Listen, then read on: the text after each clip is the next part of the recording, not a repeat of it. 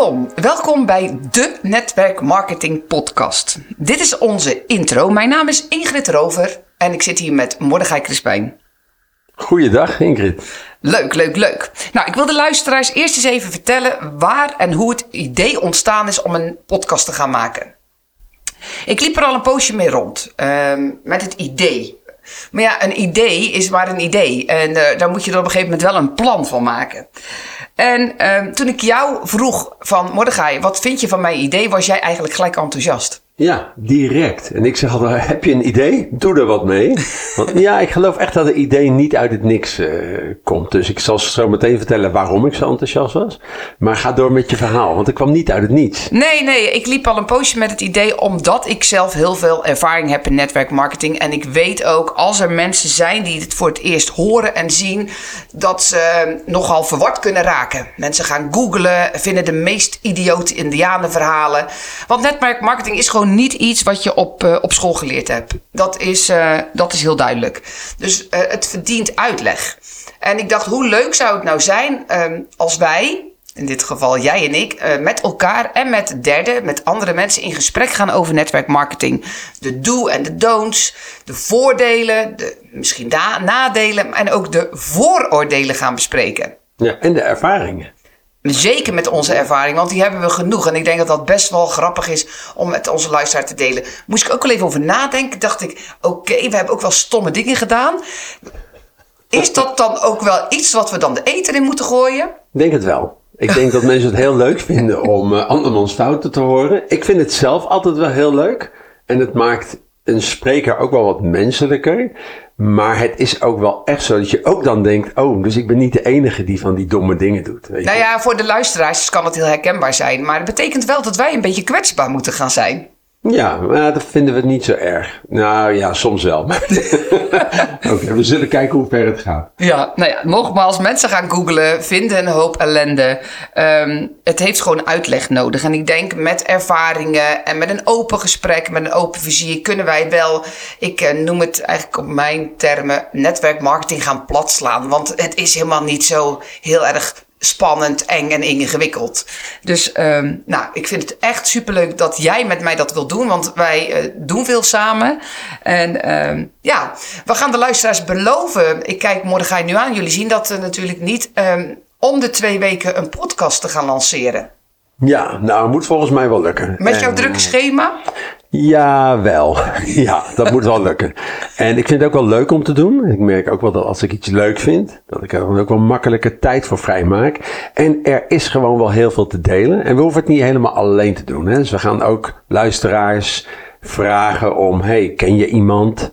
Ja. Uh, ben je zelf bezig? Wil jij je verhaal komen delen? Hè? Dat hoeft geen hele um, promotie. Nee, laten we daarvan hoor. wegblijven. Geen ja. promotie. Kijk, je mag echt wel vertellen wat je doet. En daarna is het ook klaar. Want we gaan hier geen reclame maken. Dat doen we absoluut niet.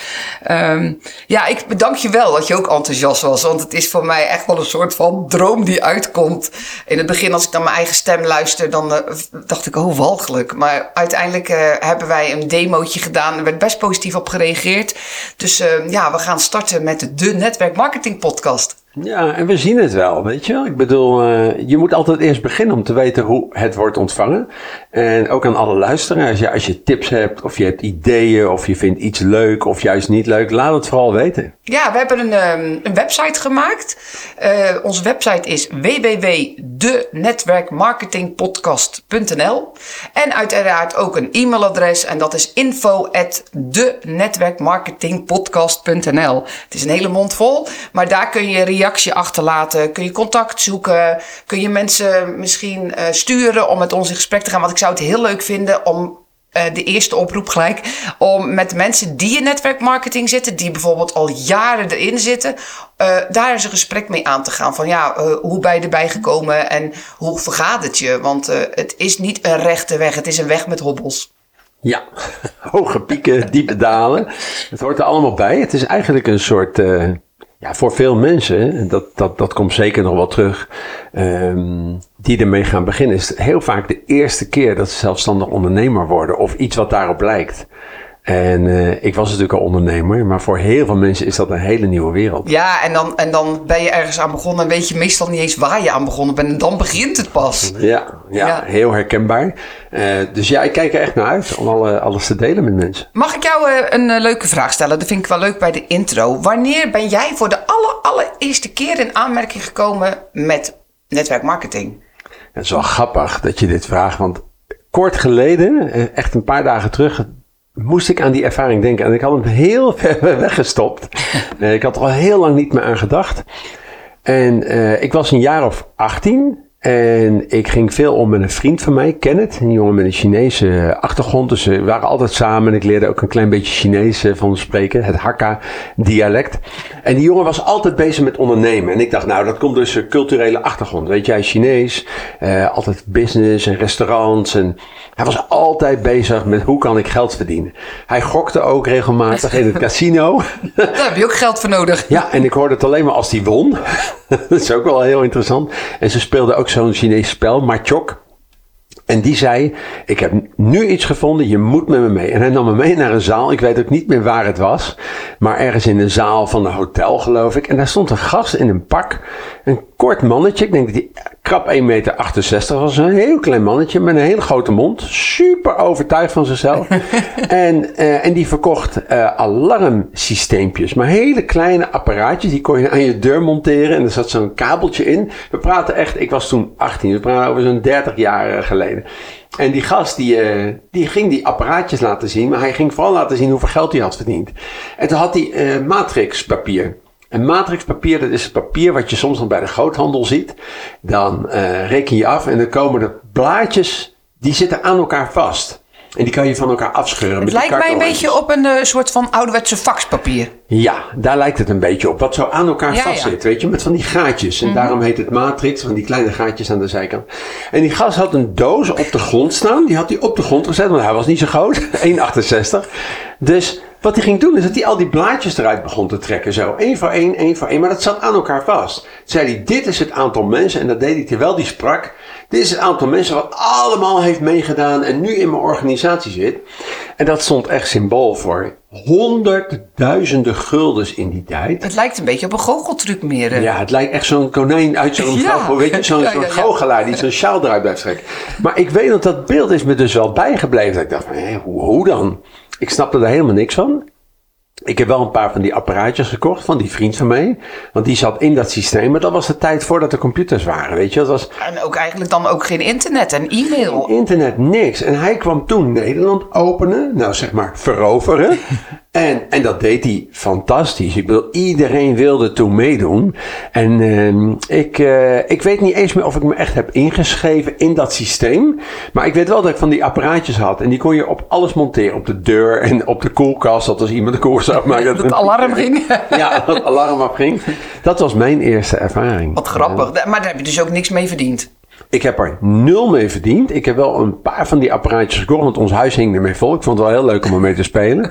En het was een soort goedkope manier om je huis te beveiligen voor een paar honderd gulden.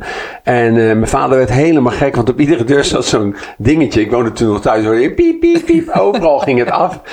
Dat was mijn eerste ervaring. En, en ik weet nog maar een deel daarvan. Dit wat het meeste indruk op me maakte, weet ik nog. Grappig, uh, ja. En jij? En ik, uh, nou ja, ik heb niet zo'n mooi verhaal als jij. Kijk, ik was wel altijd heel erg fan van Tupperware. Dat waren die, oh ja. die lifetime potjes. En, en uh, uh, nog steeds vind ik het echt heel mooi.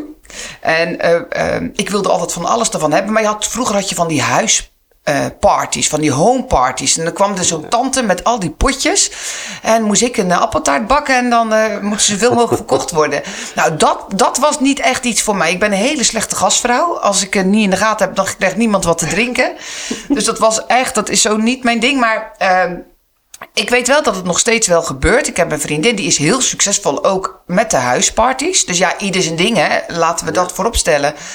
Um, en zelf ben ik pas in 2015 echt in een zaaltje beland, zoals jij zegt. Ja. En het verhaal gehoord over voedingssupplementen. En daar ging ik helemaal op aan. Want kijk, um, ik was juf. Ik heb 24 jaar in het speciaal onderwijs gewerkt. Maar ik wilde heel graag wat anders, maar ik wist gewoon echt niet wat. En ehm, men zei altijd, jij moet in de sales. Dacht ik, ja, dat zal wel, maar wat ga ik verkopen? Want ik heb eigenlijk nergens verstand van. En toen ik dus met netwerkmarketing in aanmerking kwam, dacht ik, oké, vitamines, oké een beetje aanbevelen. Ik ben sowieso al van gezondheid en een gezonde lifestyle. hey, ik dacht gelijk, dit kan ik. En ik ging ook vol gas ervoor. Dus in zoverre, je moest daar een positie kopen. En je ziet Hmm. nu tussen aanhalingstekens, dat zien jullie thuis niet, maar... ehm, en, ehm, en dan ging ik vol gas voor. Ik ging helemaal geen onderzoek doen. Ik ging niet googlen. Die angsten kwamen daarna. Ja, en deed je dat naast je werk als juf dan? Ja, ik deed dat eh, naast mijn werk als juf. Ik had wel mijn baan voor één dag eh, eh, korter genomen. Dus ik was één dag in de week vrij. En dan ging ik mijn eigen business uitvouwen. Nou, dat was natuurlijk een ramp, Mordechai. Want als je, als je 24 jaar in het speciaal onderwijs hebt gewerkt... dan weet je precies als je binnenkomt wat je moet doen. En dat je gewoon... Je begint om 8 uur, je gaat om 3 uur de deur uit. Of 4 uur. Ik altijd om drie uur, maar het hoorde pas om vier uur. En ehm, toen ik de allereerste dag vrij was, dacht ik: oké, nu ga ik beginnen. Want ik moet mensen gaan aanspreken. Het leek allemaal zo makkelijk. Het werd zo makkelijk verteld. Eh, ik moet naar buiten en mensen gaan aanspreken. Nou, dacht ik: weet je wat, doe eerst even de was. En daarna even de afwas. En alles wat er in het huis voorbij kwam, deed ik. En aan het eind van de dag had ik helemaal niks gedaan. Dus voor mij was het een enorme eye-opener dat ik plannen moest gaan maken. Dat ik doelen moest gaan stellen voor mezelf. Om echt de deur uit te gaan. En ehm, dat vind ik ook leuk, want daarmee kan ik mensen nu wel helpen. Hè? Dat, je, dat je ook weet dat je echt wat moet doen. Eh, ja, dat was mijn. En uiteindelijk heb ik na een jaar mijn eh, hele baan als juf aan de kant gegooid en ben fulltime dit gaan doen. Wauw, oké. Maar dan vraag ik me wel even af. Was dat afkicken dan? Of was dat wel een soort calling? Was dat een soort roeping dat je voelde, ik moet dit fulltime gaan doen? Ja, ja, ik had wel zoiets van, eh, ik moet dit fulltime gaan doen, want het is netwerkmarketing. Ik moet mijn netwerk gaan vergroten, want die was niet zo groot. Ja, dan moet je erop uit. Dan moet je van alles doen. Ja, dan moet je niet op een school zitten de hele dag met, eh, met, met kinderen. Dan, dan Tussen vier muren. Nee. dat gaat niet. Nee. Hmm, Dus, eh, dat? Nou, eh, ik, had, eh, ik had het leuk. Ik ging koffie drinken. Mijn kinderen vroegen wel aan mij. Ja, dat is ook echt heel grappig. Mam, wat doe je nou in godsnaam voor werk? Want ik was hier aan het lunchen, daar koffie aan het drinken. En ik had het super naar mijn zin. Verdiende je ook wat? Moi. Kijk, ik was wel goed een mensen enthousiast maken. Dus ik kreeg wel mensen mee. En het was ook wel het jaar dat ik eh, elke maand wel een nieuwe partner in, in kon schrijven. Dus, eh, maar die mensen aan de, aan de slag krijgen was natuurlijk een, een, een probleem. En heel eerlijk, Mordechai, ik had een man die fulltime werkte. En daarom kon ik gewoon dit doen. Maar het was niet zo dat het me windeieren legde. Nee, ik had met mijn man een afspraak. Hij zei het gisteren nog tegen mij. Ik mocht dit fulltime doen als ik maar elk jaar meer verdiende dan het jaar ervoor. Oké, nou, En daar heb ik me aan gehouden. goede insteek. Ja. En want zeiden ook, als je dit aan het doen bent en je verdient geen klap, dan is het een hobby. En dan moet je echt iets anders ernaast gaan doen. Ja, nou, dat, dat hoor ik wel vaker in trainingen. Ja. Dat was ooit een keer een, ehm, een trainer hier in Nederland. Die zei dat van, eh, als je er niks mee verdient, maar je bent er wel heel druk mee bezig, dan heet het een hobby. Ja. Pas als je er geld mee verdient, dan kun je het een business noemen. Ja. Ja, Dus ja. Interessant. Ja, en eh, uiteindelijk echt heel veel meegemaakt. Vallen en opstaan. Nou, ik heb nog wel eens gehuild en gedacht... eh, ik heb me ook wel gevangen gevoeld. Ik heb genoeg eh, ervaringen om heel veel leuke podcasts over te gaan maken. Ik denk, dat, ik denk dat mensen daar heel blij mee zijn. Want volgens mij is dit wel hetgene, en dat merken wij al aan elkaar, hè, want we geven wel eens trainingen ook aan mensen, ehm, dat we over het algemeen, ja eigenlijk altijd wel, gewoon vertellen hoe het is. Ja. En we maken het ook niet mooier dan het is, en dat hoeft ook niet, want ik zeg altijd, het is mooi genoeg in feite. En ja, je gaat ook wel onderuit. En die verhalen delen we ook wel. En zoals jij nu zegt, hè, ik kan me heel goed voorstellen dat als jij van een baan als juf. Kijk, ik, ik ben al 30 jaar ondernemer, dus ik heb altijd wel. Jezelf aan de slag kunnen... Ja, sterker nog, ik heb heel veel moeite om niks te doen. Dat is ook wel een probleem. ja, Dat heet workaholic. Ja, absoluut. Absoluut. Het gaat En het is wel geen- niet, ja. ik, ik wilde best wel werken hoor. Maar als je zo lang hetzelfde gedaan hebt, is het heel moeilijk om jezelf echt zeg maar aan te pakken. Kijk, als jij niet functioneert op je werk, krijg je een functioneringsgesprek. Maar als ik op de bank bleef zitten, omdat ik of eh, ik ging eh, lekker eh, ja, kopjes thee drinken met vriendinnen of de was doen. Ja, er is niemand die tegen me zegt: hey, zul je eens aan de bak gaan? Maar was dat omdat je het lastig vond om te doen wat je moest doen? Of vond je het, was dit gewoon het beeld wat jij had van je business opbouwen. Nee, nee. Ik wist wel dat ik eruit moest. Ik vond het gewoon heel lastig om te gaan plannen, om mijn dag te gaan plannen en niet afgeleid te worden door huishoudelijke taken, telefoontjes, wat er ook gebeurde. Ja, ik hoop dat mensen dit echt herkennen. Mijn ouders, die dachten, ik weet niet of ze dit gaan luisteren, maar die dachten van, ik was thuis. Dus ik kreeg ook alle familieklusjes. Kun je even ophalen? Kun je even dit? Kun je even... Omdat men niet eigenlijk heel serieus dacht, die is aan het werk. Ja. Want omdat je, en mijn kinderen ook, hè, ik was thuis. Die vroegen zich af, wat doe jij? Eh, de hele dagen eigenlijk niks. Eh, en die, ja, eh, kun je me ophalen? Mijn fiets naar de fietsenmaker brengen? Wil je dit doen? Wil je dat doen? Dat ik dacht, hé, hey, wacht even. Ik moet werken. Ja, zo gaan dagen snel voorbij Ja. op die manier. Maar absoluut, het leidt ook wel tot, eh, tot een soort vorm van workaholic zijn. Want er- ja, ik heb echt moeite om niks te doen. Ik vind het heel leuk om veel te doen. Maar ik merk ook wel aan mezelf dat ik denk van... hé, hey, moet ik niet af en toe gewoon even de stekker eruit trekken? Ja. Want ik ben altijd bezig. En dat, dat zit erin. Ik vind het ook heel raar om niks te doen, zeg maar. Want Nou ja, de balans, hè. Dus ik denk ook wel dat mensen die net starten... ook een soort van bevriezen en niks doen. Of je gaat zo hard rennen dat je ook jezelf voorbij rent. Ja, want wat, wat wij vaak zien hè, eh, aan mensen die net beginnen, is dat ze toch wel angst hebben om erop uit te gaan. Want ze zijn bang voor teleurstelling en voor afwijzing en vertellen zich vaak dat Ook ze heel menselijk eigenlijk. Logisch. En ze vertellen zich vaak dat ze nog meer moeten leren. Het zijn allemaal ontsnappingsmechanismen. Ja. Om niet te moeten doen wat je eigenlijk moet doen.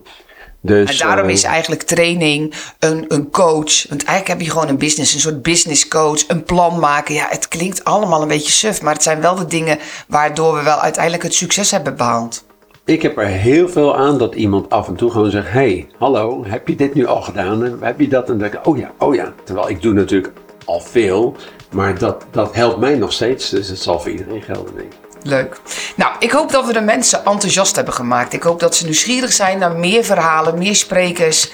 En eh, ja, wees welkom. Nog een keer de website. Eh, het is www.denetwerkmarketingpodcast.nl met hetzelfde e-mailadres en dat is dan info at. Dankjewel. Ja, ja, dank je.